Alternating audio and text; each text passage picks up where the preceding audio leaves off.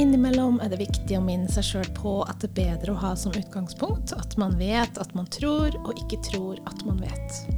Flux betyr bevegelse, og vi ønsker å bevege tanken og inspirere til nye tenkemåter. Vi ønsker å vise veier til en mer bevisst og meningsfull fremtid gjennom bokutgivelser og dialogarbeid.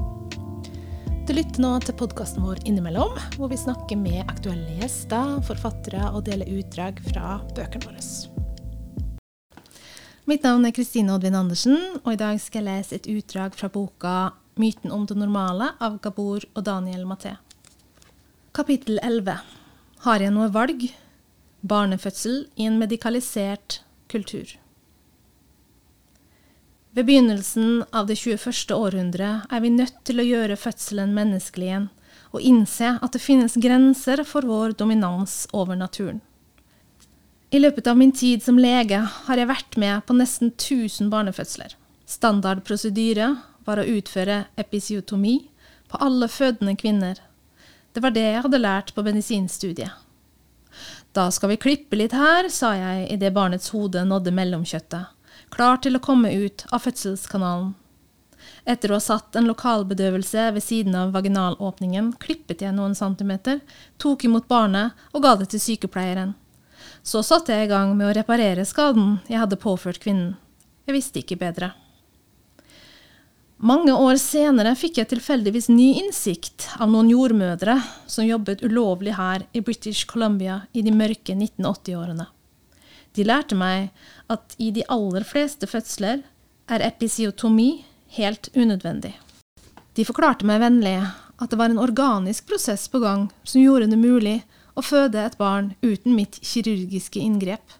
Hvem skulle ha trodd det? Og det lå flere overraskelser på lur. Kvinner kan, viser det seg, føde uten å ha beina i bøyler, selv uten metalliske støtteanordninger. Prøv å bæsje mens du ligger på rygg med beina i været, foreslo en jordmor da jeg betvilte påstanden hennes.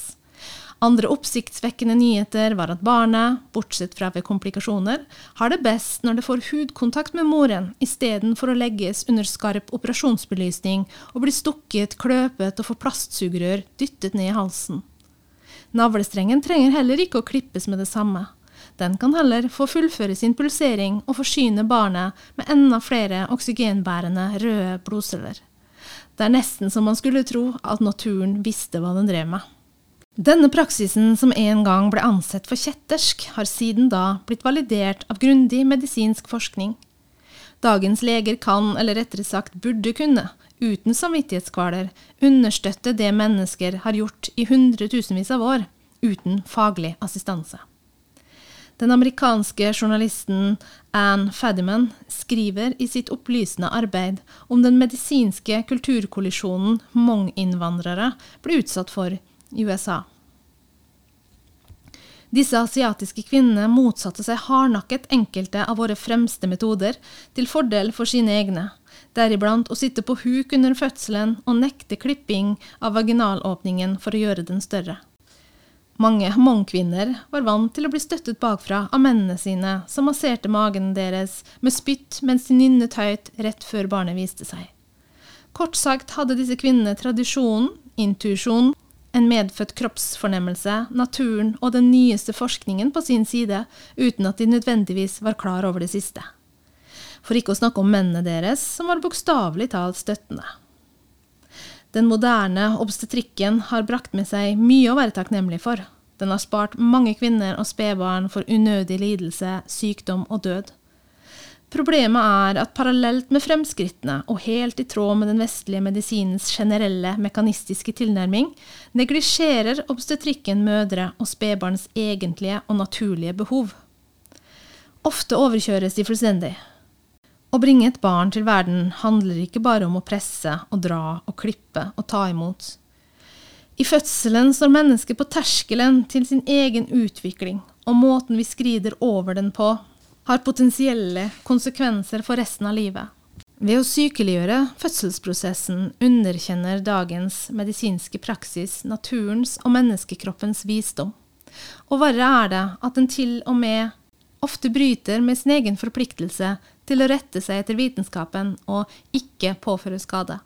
Vi trenger ikke å gi avkall på medisinens store fremskritt for å yte respekt for tradisjonell kunnskap med røtter i erfaringer fra urtiden. Vi kan verdsette begge deler.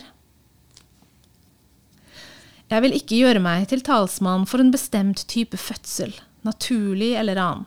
Heller ikke kritisere noen, langt mindre fordømme kvinners egne valg i denne betydningsfulle hendelsen. Jeg er opptatt av, i tråd med denne bokens overordnede fokus, den kulturelle konteksten for disse valgene, deriblant av hvem og på hvilken måte de foretas. Som poeten Adrienne Rich skriver i sin bok Of Woman Born. For at alle kvinner skal ha et reelt valg hele veien, er vi nødt til å ha full forståelse for den kraften og kraftløsheten som ligger i morskapet i en patriarkalsk kultur. Å redusere kvinner til passive mottakere av medisinsk behandling under den kanskje mest betydningsfulle hendelsen i livet er dehumaniserende, og ikke bare i billedlig forstand. Det virker forstyrrende inn på fysiologiske, hormonelle og psykologiske prosesser som har utviklet seg i oss som art over millioner av år, for å skape det nødvendige båndet mellom mor og barn og en sunn utvikling av våre små. Undertrykkelse av medfødt kunnskap er en av medisinens uheldige tilbøyeligheter. Medisinsk intervensjon, som i et sunt system kun ville iverksettes når det var nødvendig for å minske risiko, fremme helse og sikre overlevelse, har i dag blitt standard tilnærming. Et tydelig eksempel er den stadig økende bruken av keisersnitt. Når det er påkrevd, kan keisersnitt være livreddende, mens det i motsatt fall kan være livsfornektende.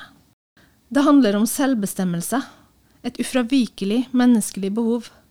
Fødselspraksis er et uttrykk for en kulturs både skjulte og åpenbare verdier når det gjelder hvem som utøver makt, og i hvor stor grad folk faktisk bestemmer over sin egen kropp.